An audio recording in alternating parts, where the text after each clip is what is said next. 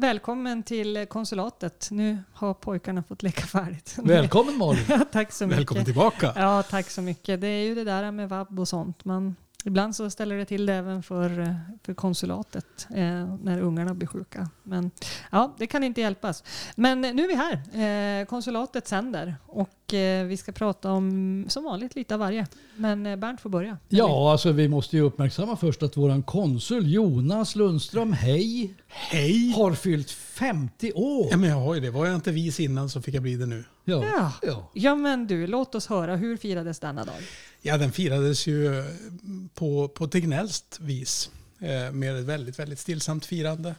Otroligt mycket fina eh, utrop på sociala medier och annat. Så att jag är ju jätteglad, supernöjd över, över allting som har varit. Men det var ju lite... Det var ju inte, sådär, det var inte den sortens rock'n'roll och party som jag hade föreställt mig Nej, året innan. Nej, men jag tänkte så här, om du nu då, eh, för att, jag menar det ena utesluter ju inte det andra och du fyller ju snart 51. Eh, hur ska du fira det då? Ja, men då blir det nog party. Ja. Då blir det rock'n'roll och då blir det lite god mat och gott sällskap och sådär. Så att jag, jag har så bara bestämt att skjuta upp själva firandet lite grann. Mm, Men kan man säga att du egentligen då som, när du fyller nästa år så fyller du som 50 igen? Just det. Egentligen har, jag tänkt, ja, egentligen har jag tänkt att varenda gång jag fyller år så är det som att fylla 50. Tänker jag.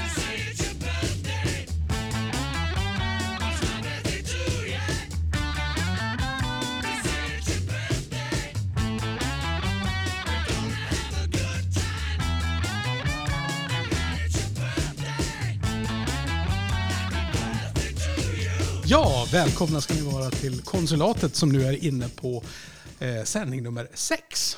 Mhm. Tänk vad tiden går fort. ja tiden När man har roligt? Ja men Eller definitivt. hur? Ja, jag håller med. Eh, och bra jobbat senast. Tack. Eh, Det var ganska tungt att dricka upp alla öl. Alltså, På vi, två. hade ju, ja, vi hade ju anpassat efter att du skulle vara med så, där, så att det var ju som... Ja. Ja, men, nej. men det krävs ju tappra, tappra personer att kunna ta sig an en stor uppgift också. Mm, Jag är stolt över er. Och när jag tänker på det, när ni, vi pratar om det, att eh, det, en av de få öl vi inte drack, det var Norrlands guld. Ja men så var det faktiskt. Mm. Ja, vi drack inte Lappinkulta heller i och för sig. Om vi nu ska hålla oss till guld kopplat Bra. till både finskt och svenskt. Bra. Och jag, jag, men jag konstaterar ju att guld pratar vi ju allt mer om i eh, norra Sverige nu. Och det är inte bara vi som pratar om det, för nu pratas det hej vilt om norra Sverige som det nya Klondike. Ja. Mm. Alltså, vad sa de nu då? Eh, var det DI som sa 900 miljarder? Eh, Tusen. Ja, Ja. Och jag tror det är 1200 nu. ja, du hör ju. Alltså den, den eh, gamle Fermenta-chefen eh, Refat El Sayed, han hade ju uttalat sig om, om, om detta med miljoner och miljarder och sa en miljard, två miljarder. Det är som ingen skillnad, de tar lika stor plats i huvudet. Och det är klart att när man rör sig med så här gigantiska summor så är det svårt att greppa. Det är fantastiskt svårt att greppa. Men, men sen finns det ju liksom utmaningar. Eh, vi, vi pratade lite grann om, om, om guld och tälja guld och Klondike och sådär. Är- Är det någonting man vill vara? Vill man, alltså, finns, vad, vad, är, vad är utmaningen för oss här uppe? Förutom liksom de uppenbara, om man säger kompetensförsörjning, boende. Mm, det, ja, det är en bra fråga. Och jag tänkte på en grej som jag läste i, faktiskt i Kristianstadsbladet här nyligen. Alltså där, Alltså, du läser Kristianstad? Ja, inte normalt, men jag gjorde det därför att jag såg någonting i hastigheten när jag bläddrade att Kristianstadsbladet pratar också om Västerbotten och Norrbotten som eh, Sveriges Klondike och att Skåne har mycket att lära av oss. Och så tittar de bland annat på hur det är redan nu innan alla de här investeringarna kommer på plats. Nämligen att norrbottningar och västerbottningar har betydligt högre medianinkomst än skåningar. Plus att arbetslösheten är mycket lägre här redan innan. Eh, vi har mycket att lära av Norr och Västerbotten säger man i Skåne. Mm. Men sen är ju frågan om man vill vara ett Klondike just. För det gick ju inte så bra för, för originalet Klondike. Exakt. Nej, precis. Jag tänker det Jonas, vad tror du det kan få för följdeffekter?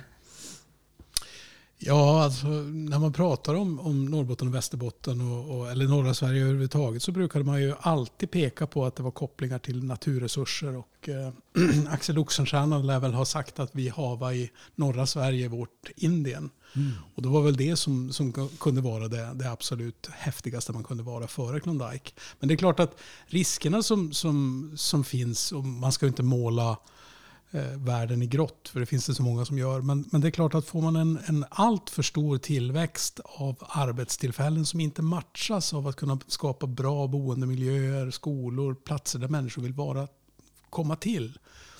Då riskerar man ju få det som är ja, men de här oljeplattformsekonomierna. Och, och, där vet vi att Norrbotten och Västerbotten är ju inte urtypen för oljeplattformsekonomi.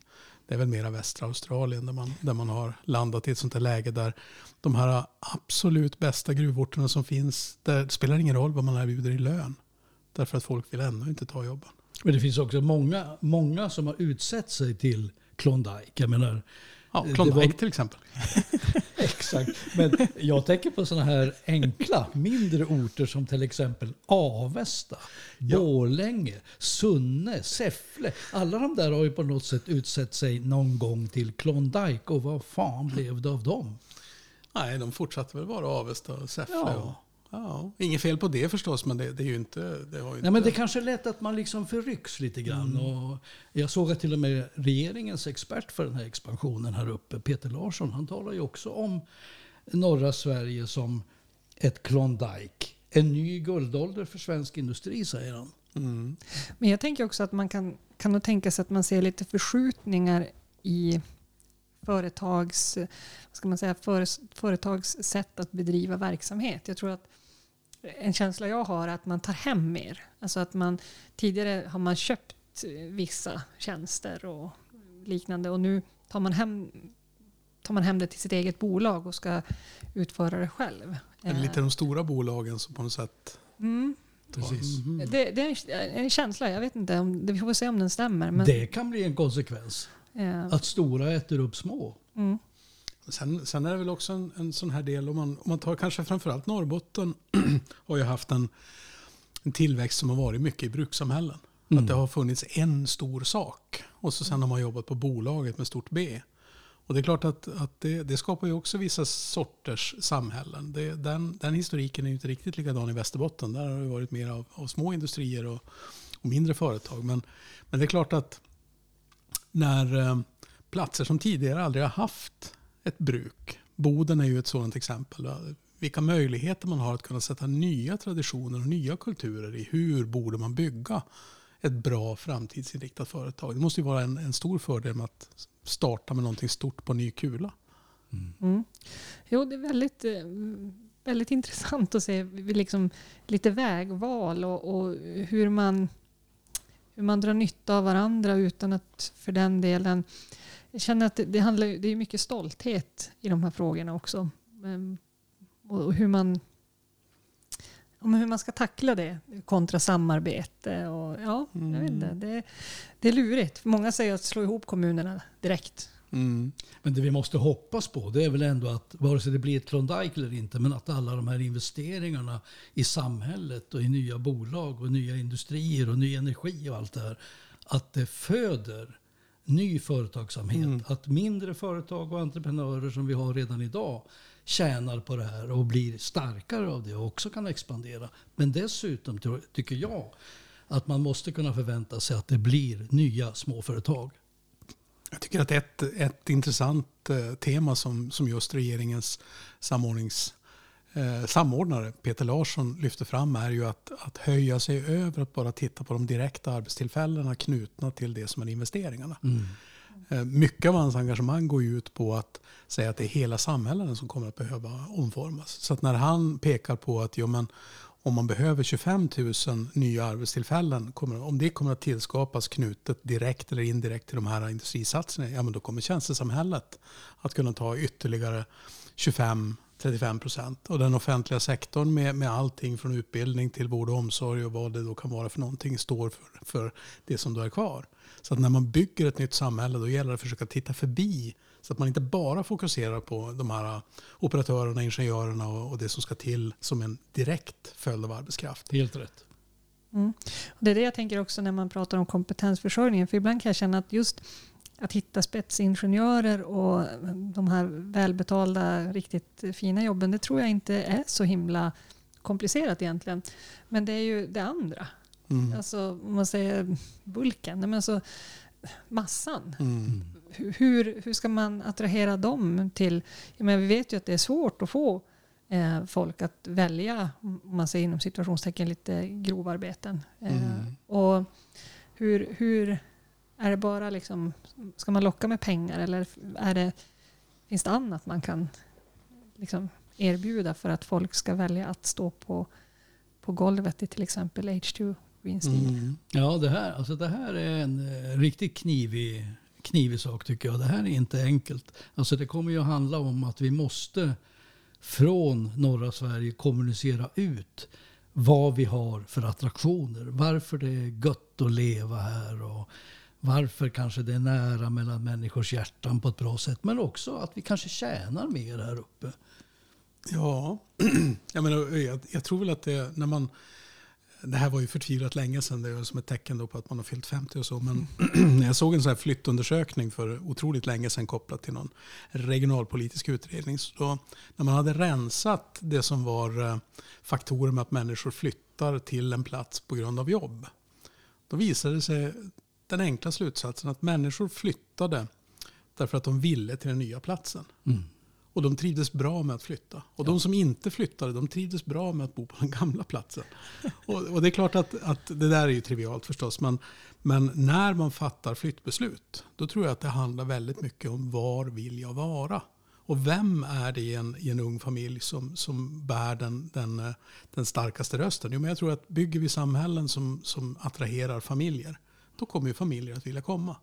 Är det så att vi, vi skapar miljöer med, med mycket av kultur och mycket av, av, eh, av det som är meningsfull fritid, eh, konsumtion av, av saker som är större än, än motorer, så kommer man att dra till sig människor som annars inte skulle tänka på att flytta hit. Är det så att vi har högre eh, löner i norr? Är det för att vi vill förhindra en utflyttning? Alltså vi har ju varit hårt drabbade av utflyttning. Ja, men Hänger ihop på något sätt? kallortstillägg fanns det ju tidigare i, i, Mm. i det som var vissa lönesystem. Och, och det är klart att vissa sorters kompetenser de, de betalar sig alltid väldigt, väldigt bra lönemässigt. Men det är klart att finns det brist på någonting då blir ju lönerna högre för alla som finns. En av de stora erfarenheter man har när någonting stort kommer och flyttar in det är ju att det, som, det är rätt många som tidigare fanns i andra sektorer som hemskt gärna byter. Är det så att jag har, jag har som ett betydligt mer högavlönat alternativ till att, till att jobba tungt i vården. Ja, men då kanske jag tar det alternativet. Och då betyder det att samhället behöver ställa om på alla sätt. Mm. Men vi kanske ska akta oss för att marknadsföra norra Sverige som ett Klondike. Det tror jag vi ska akta, Akta oss oss för. för.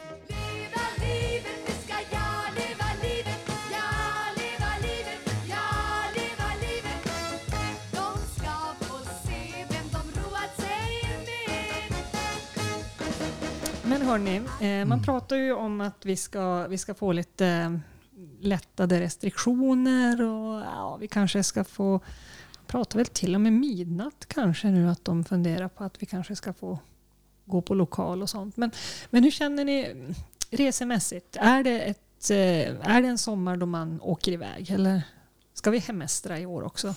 Alltså jag har fått för mig att eh, det som säljer jättebra nu är husbilar, husvagnar, båtar. Eh, folk lägger altaner, bygger snickrar, bygger växthus och allt vad det är. Alltså jag, jag tror att vi till övervägande del kommer att semestra hemma. Jag tror det, jag. tror det är 2021. Ja. Men, men tror ni att eh, det i sin tur, alltså de, de här upptäckterna man gör under sin hemester, tror ni det kan leda till att vårt resande totalt sett kommer att minska efter pandemin?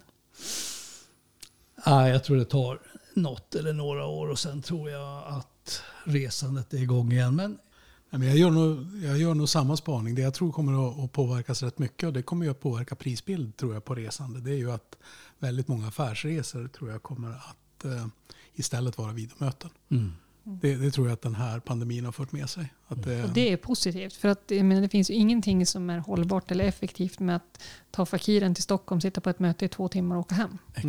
Anna- Annat än att, att eh, det är oftast den biljetten som betalar den billiga biljetten lite längre bak när man ska åka på semester. Ja, Att precis. det, det, kan nog bli, det kan nog bli en utslagning i flygbranschen tror jag kommer att ge en, en sorts fingervisning om vilka priser vi kommer att vara tvungna att betala för att, för att åka på, på utlandssemestrar. Men chartern kommer att klara sig därför att det är, charterplan är ju som byggda för att vara många resenärer på, en, på ett och samma flygplan. Och där finns det ju inga affärsresenärer. Där sitter vi ju alla och, och, trängs. Trängs. Nej, men jag tänker också det att, att människans minne är kort. Alltså nu är vi så upptagna och påverkade av den här pandemin. Alltså vi lever väldigt mycket i, i nuet. Eh, men när restriktionerna försvinner, som du är inne på Malin, alltså, då kommer processen i människors medvetande att sakta börja. Att ja, kanske ska fundera på att åka till Grekland eller London igen eller någonting sånt där. Men, men kanske att det kommer att ta lite tid. Jag tror att det blir hemester. Absolut. Mm. Eh, var ska man hemestra då? Lundström.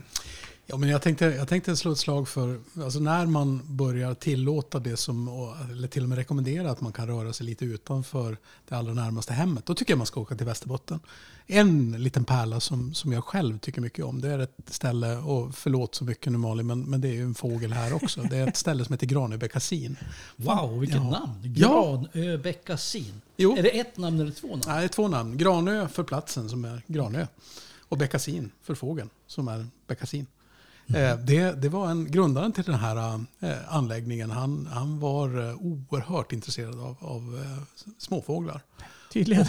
Och eh, i, i hans vision så låg att man skulle bygga ett gigantiskt konferenscentrum som skulle va, ha formen av en bäckasin. Man har kommit, alltså in, eh, den, den konferensanläggningen finns ju inte, men det som, det som finns är en fantastisk pärla till, till campinganläggning där man kan bo i träkojor om man vill, eller i enklare vandrarhemsstugor eller, eller campa. Jag trodde det var fågelbon man. Jo, de kallar det för fågelbon faktiskt. De gör det? Förstås. Okej. Bernt, vart ska, vart ska man hemestra om man följer dina råd? Ja, alltså jag var inne på Saltolåkta. Alltså det är ungefär fyra timmar med bil från kusten och då kommer man ju upp till eh, Saltolåkta fjällstation. Ett fantastiskt ställe tycker jag. Det är väldigt lättillgängligt. Eh, det är en bra fjällstation. Man kan eh, äta där, man kan fjällvandra, man kan åka på guidade utflykter och allt möjligt.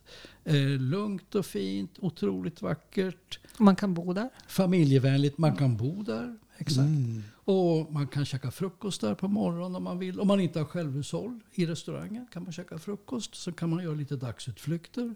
Så kan man käka middag där på kvällen. Ta, kanske ta ett glas vin. Eh, och gå ut och sätta sig vid en lägereld och titta ut på den ljusa sommarnatten. Ett fantastiskt ställe tycker jag.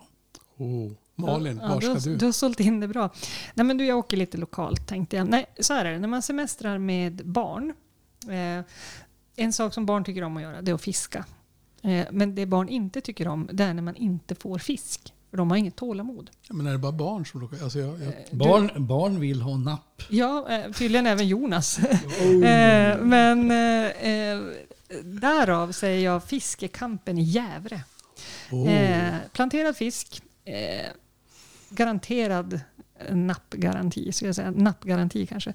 Och eh, en mysigt eh, ställe att kampa på eh, vid vattnet. Eh, sandstrand, det går att bada.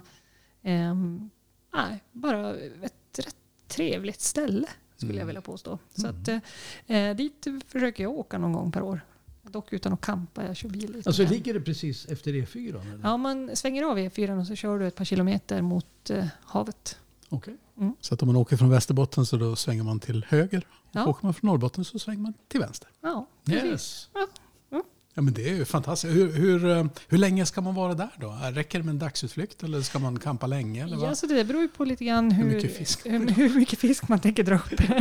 men, eh, nej, men det finns lite saker att göra där kring också. Det går, alltså man vill liksom kampa där så har du ju fina utflykter att göra bort till fyren i Gävle till exempel. Mm. Det finns lite små mysiga fik i, i det området. Dels då kvarn, Kvarncaféet i Gävle och sen har du det som är eh, Beas rökeri vid eh, själva fyren där man kan köpa rökt fisk och fantastiska eh, mackor och sallader och lite sånt där. Så det Men du Malin, eh, det här får ju mig osökt att tänka på, alltså det här som du nämnde, det är ju ett ställe där det finns fisk. Ja. Det som håller på att hända nu, och det vi har fått läsa om i Norrbottenskuriren och andra norrmedia, det är ju att eh, det är slut på strömming. Eh, ja, eller slut och slut. Ja, men fiskarna, yrkesfiskarna får ingen strömming i sina nät. Och hittills har de bara fått upp 3-4 av 100 ton. Och de här skulle ha legat på jäsning redan. Och nu undrar man ju var är den här fisken? Det vet jag. sälens mage. Sälen och så Malin ytterligare fåglar, skarvar. Ja. Det, Ja. det, är ju, det är ju helt enkelt så att man får välja vem det är som ska konsumera den här fisken. och, antingen, och antingen är det så att man, man tycker att eh, eh, det gör sig bäst av en, en fullständigt okontrollerad tillväxt av sälstam och, och skarvar eller så kan man försöka hålla ner den. Och hittills så har ju det gått sådär och det ser vi ju tydligt nu. Mm. Det är ju inte så att surströmmingskonsumtionen är så stor så att det är, det är vi som äter surströmming som äter Eller, upp all eller strömming. strömmingskonsumtionen Nej. totalt sett. Mm. Det här tänker jag skriva om eh, 12 juni i min lördagskrönika i Norrbottenskuriren. Mm. Surströmmingskrisen. Ah, Den måste vi läsa. Det är klart vi ska läsa den. Men eh, herrarna, eh, äter ni surströmming? Absolut. Absolut. Ja, okej. Och med- Malin, ja, äter du surströmming? Klart jag äter surströmming. Hur många? Ehm, alltså hur många per tillfälle, hur många gånger per år? Nej, hur, ja, både och. Alltså, hur många vid ett tillfälle? Eh, vid ett tillfälle så skulle jag säga att jag kanske äter tre eller fyra. Mm. Jag tror. Äter du rommen? Eh, nej, det gör jag inte. Inte rommen. Äter tre, fyra gånger om året och äter nog fem, fyra, fem strömmingar. Alltså jag, jag, jag, till min egen besvikelse dagen efter brukar jag alltid äta minst sex sur- surströmmingsfiléer, vilket man känner av dagen efter Ja. kraftfullt. Men, Mm. Mm. men då sker det ju å andra sidan mera säll, sällan. Ja, vi, eh, jag, och en, en före detta pluggkompis i, eh, från eh, journalistutbildningen i Kalix, vi, vi käkar faktiskt surströmming, jag skulle vilja säga det in, kanske varannan månad, året runt. Eh, och det är en väldigt, väldigt trevlig sammankomst Wow. med surströmming och lite skvaller och sådär.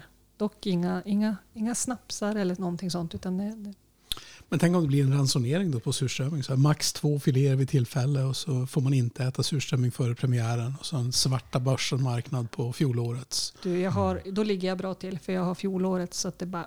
Så det bara bångnar om det. Ja, det, det gör det faktiskt. Burkarna börjar se så ut. Så att, jag tror att, att eh, om den här eh, surströmmingskrisen blir allvar, eh, då blir det ett tufft läge i norra Sverige. Mm. Och eh, det här tänker jag ta upp i min krönika tror jag. Jag tror att det är dags för landshövdingen att rycka in och ta fram en, en surströmmingsstrategi. och, och det innebär då en ökad säljakt då eller? Antagligen. Jo men antagligen faktiskt. Det, det, är en, det, det går inte att prata strömming utan att prata säl. Nej, okej. Ja, får vi se om hon tar, tar spjutet.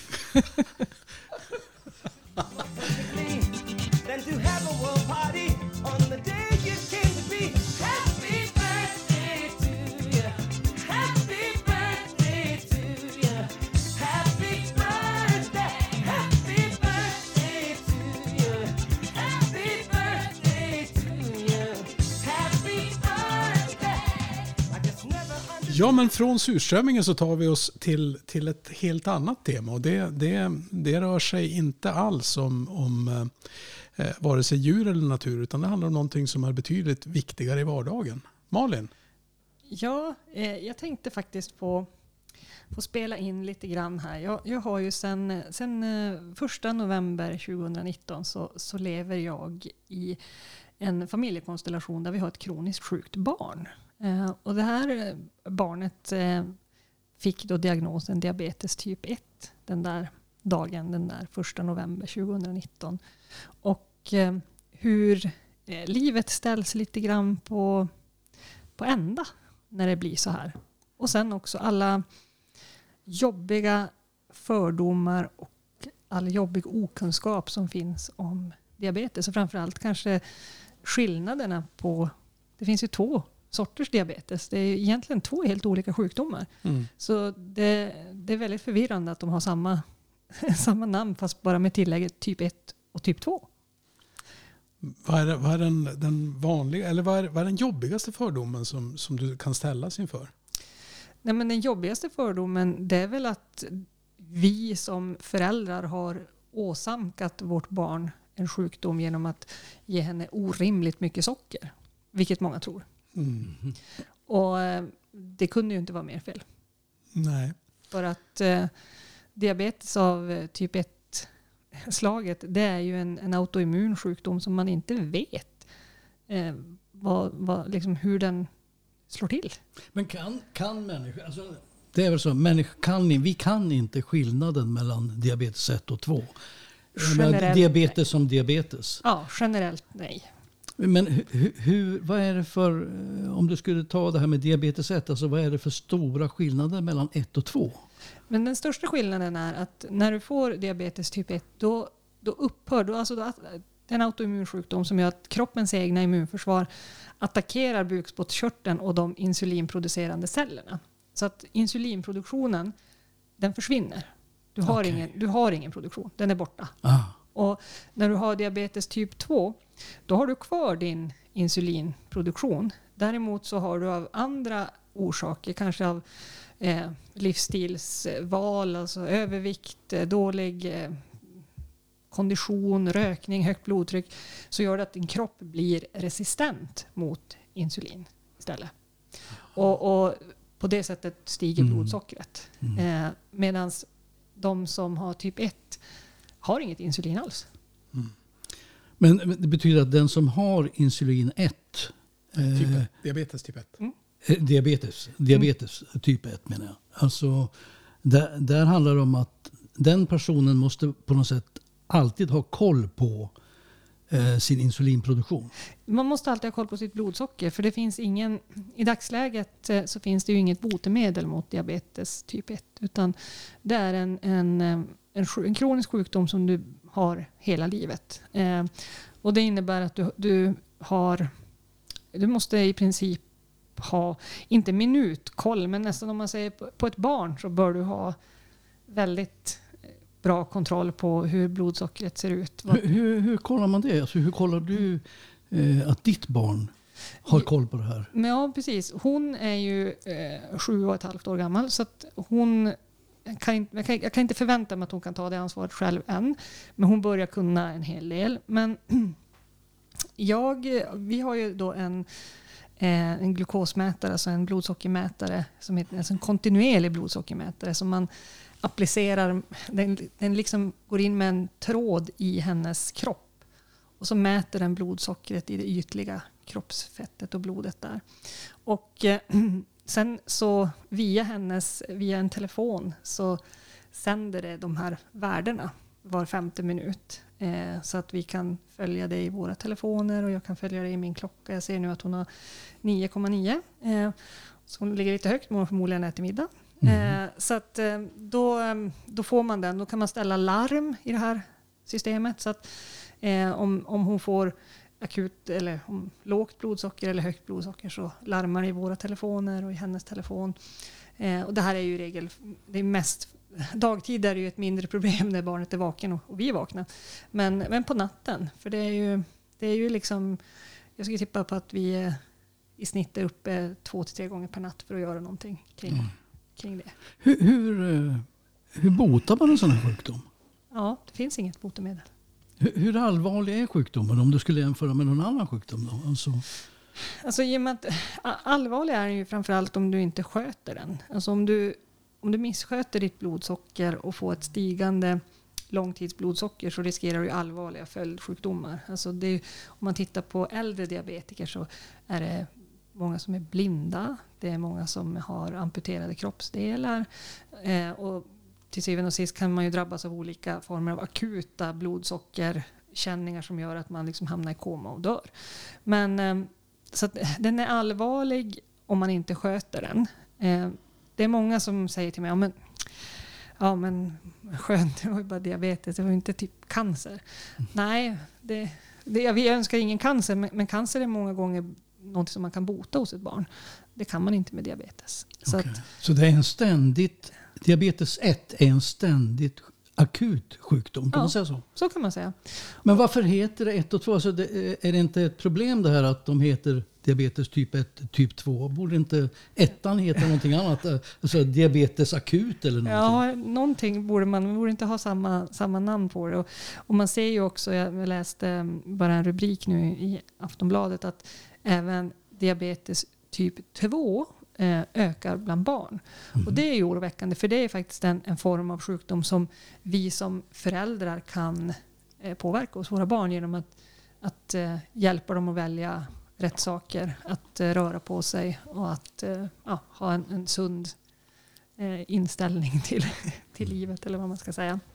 Så att, nej, men jag, jag kommer nog skriva lite grann om det här faktiskt just utifrån eh, fördomar, eh, lite tankar som, som finns och en, en ständig eh, skräck som finns hos en som förälder. Att eh, man ser till exempel ibland när hon är på skolan och så ser man att nu är det på väg Mm. neråt. Nu håller hon på att bli superlåg. Nu har hon en resurs så att jag, jag litar på han till, till 100 procent. Men det är klart att det känns lite grann i mammahjärtat. Det här känns ju som en väldigt angelägen krönika. Det kanske är lite folkbildning över den också. Den här kommer på konsulatet.nu, vår hemsida. Så är det. och vi kommer ju att, att eh, ni kommer också att kunna hitta den via det som är vår Facebook-sida som heter podden Konsulatet. Mm. Just det. Mm. Nej, men, ehm, gott så. Ehm, då, då har vi en, en del folkbildning där. Och sen, sen tänkte jag att vi skulle få folkbilda oss lite grann gällande våra polare i Slovakien. Men först lite hockey. Jo, det, det har ju med hockey att göra. Alltså Ja. jag, jag läste, innan vi tar Slovakien här. Jag, jag Det gick måste ju inte få så vi- bra för Slovakien i Nej, hockeyn. Men man det måste- gjorde det inte för Sverige heller. Eh, Jag nej. måste få visa er den här bilden i Piteå-tidningen. Eh, från Piteå-tidningen. Rubrik. OS-kvalet i ishockey avgörs i närheten av Piteå. Det är fantastiskt. Var då? Ja, då kan jag tänka mig så här. Är det Uleåborg? Är det Ja. Helsingfors? Ja. Är det Oslo? Är det Norrfjärden? Ja. Det var vad jag tänkte. Ja. Gävle fiskekamp. ja. Men Nej, i Luleå. Det är lokaljournalistik när den är som alltså, bäst. Ja, alltså på riktigt, jag, jag älskar det. Ja, det är underbart. Är Fantastiskt faktiskt. underbart. Nej, men det var bara för att prata hockey. Alltså Sverige och eh, Slovakien åkte ju båda ur eh, hockey-VM med dunder och brak. Jag vet inte vad det blir. 9-10. Sverige gjorde väl större fiasko än Slovakien. Alltså, Sver- Sverige missade ju slutspelet för första gången på om det var 36 eller 39 år. mm. Så att det kan vi väl säga. Det Det gjorde inte Slovakien. Nej. Och då kan ju vän av ordning stä- stä- ställa sig frågan, kom de till slutspel då? Nej, det gjorde de inte. Men Slovakien har ju inte... Eller gjorde de det? Jo, Jo, men de åkte Men ut ganska fort. direkt. De åkte ut i kvarten, tror jag. Jaha. Ja. Nej, men det, man kan ju säga, det kan man ju enkelt säga. Slovakien har ju inte funnits i 36 år så att, som land. Så att det, det är helt omöjligt. Man kommer alltid... Ja, men det är bra. Men alltså det som är skitkul nu det är ju att nu börjar ju, eller nu har ju börjat, börjar oh, fotbolls-EM. Mm. Sverige, Polen, Spanien och Slovakien i samma grupp. Ja. Vad säger du Jonas? Jo, men det blir ju jättespännande. Och Slovakien är väl storfavoriter. Va? Span spanjorerna darrar av skräck, respekt och, och eh, bävan. Men vad, om ni, ni skulle tippa den där gruppen, vad, hur tror ni? Vem blir etta, två, tre, fyra? Jag tror Spanien ligger väl... eh, Är väl Ja, det tror jag med. Alltså jag är, jag är inte bra på det där. Nu, och framförallt inte sen... Ja, jag vet inte, men jag säger Spanien, Polen och så kanske Sverige tre. Ja. Ja. Jag, jag tror Spanien, Sverige blir tvåa, Polen och tyvärr, alltså jag skulle vilja säga Sverige, Slovakien etta, tvåa, men nej, Slovakien Nej, kommer ja. sist i gruppen. Ja, alltså det kommer ju bli en, ett intressant derby. För det, det är ju så att Slovakien förhåller sig ju eh, till andra länder lite grann på samma sätt som Sverige kan förhålla sig till våra nordiska grannar. Inte det här dramatiska som, som Sverige och Finland i ishockey. Va? Det, det är ju, då, är det ju, då är det ju nästan till inbördeskrig. Men Ehm, inte ens tjeckerna har, har problem med Slovakien på, på det sättet. Men det finns ju en grupp av fyra länder som ofta håller ihop. Och det är ju den, den så kallade Visegrad-gruppen och där är ju Polen det. Så att jag föreställer mig att för slovakerna så kommer derbyt Polen-Slovakien att kännas som ett derby.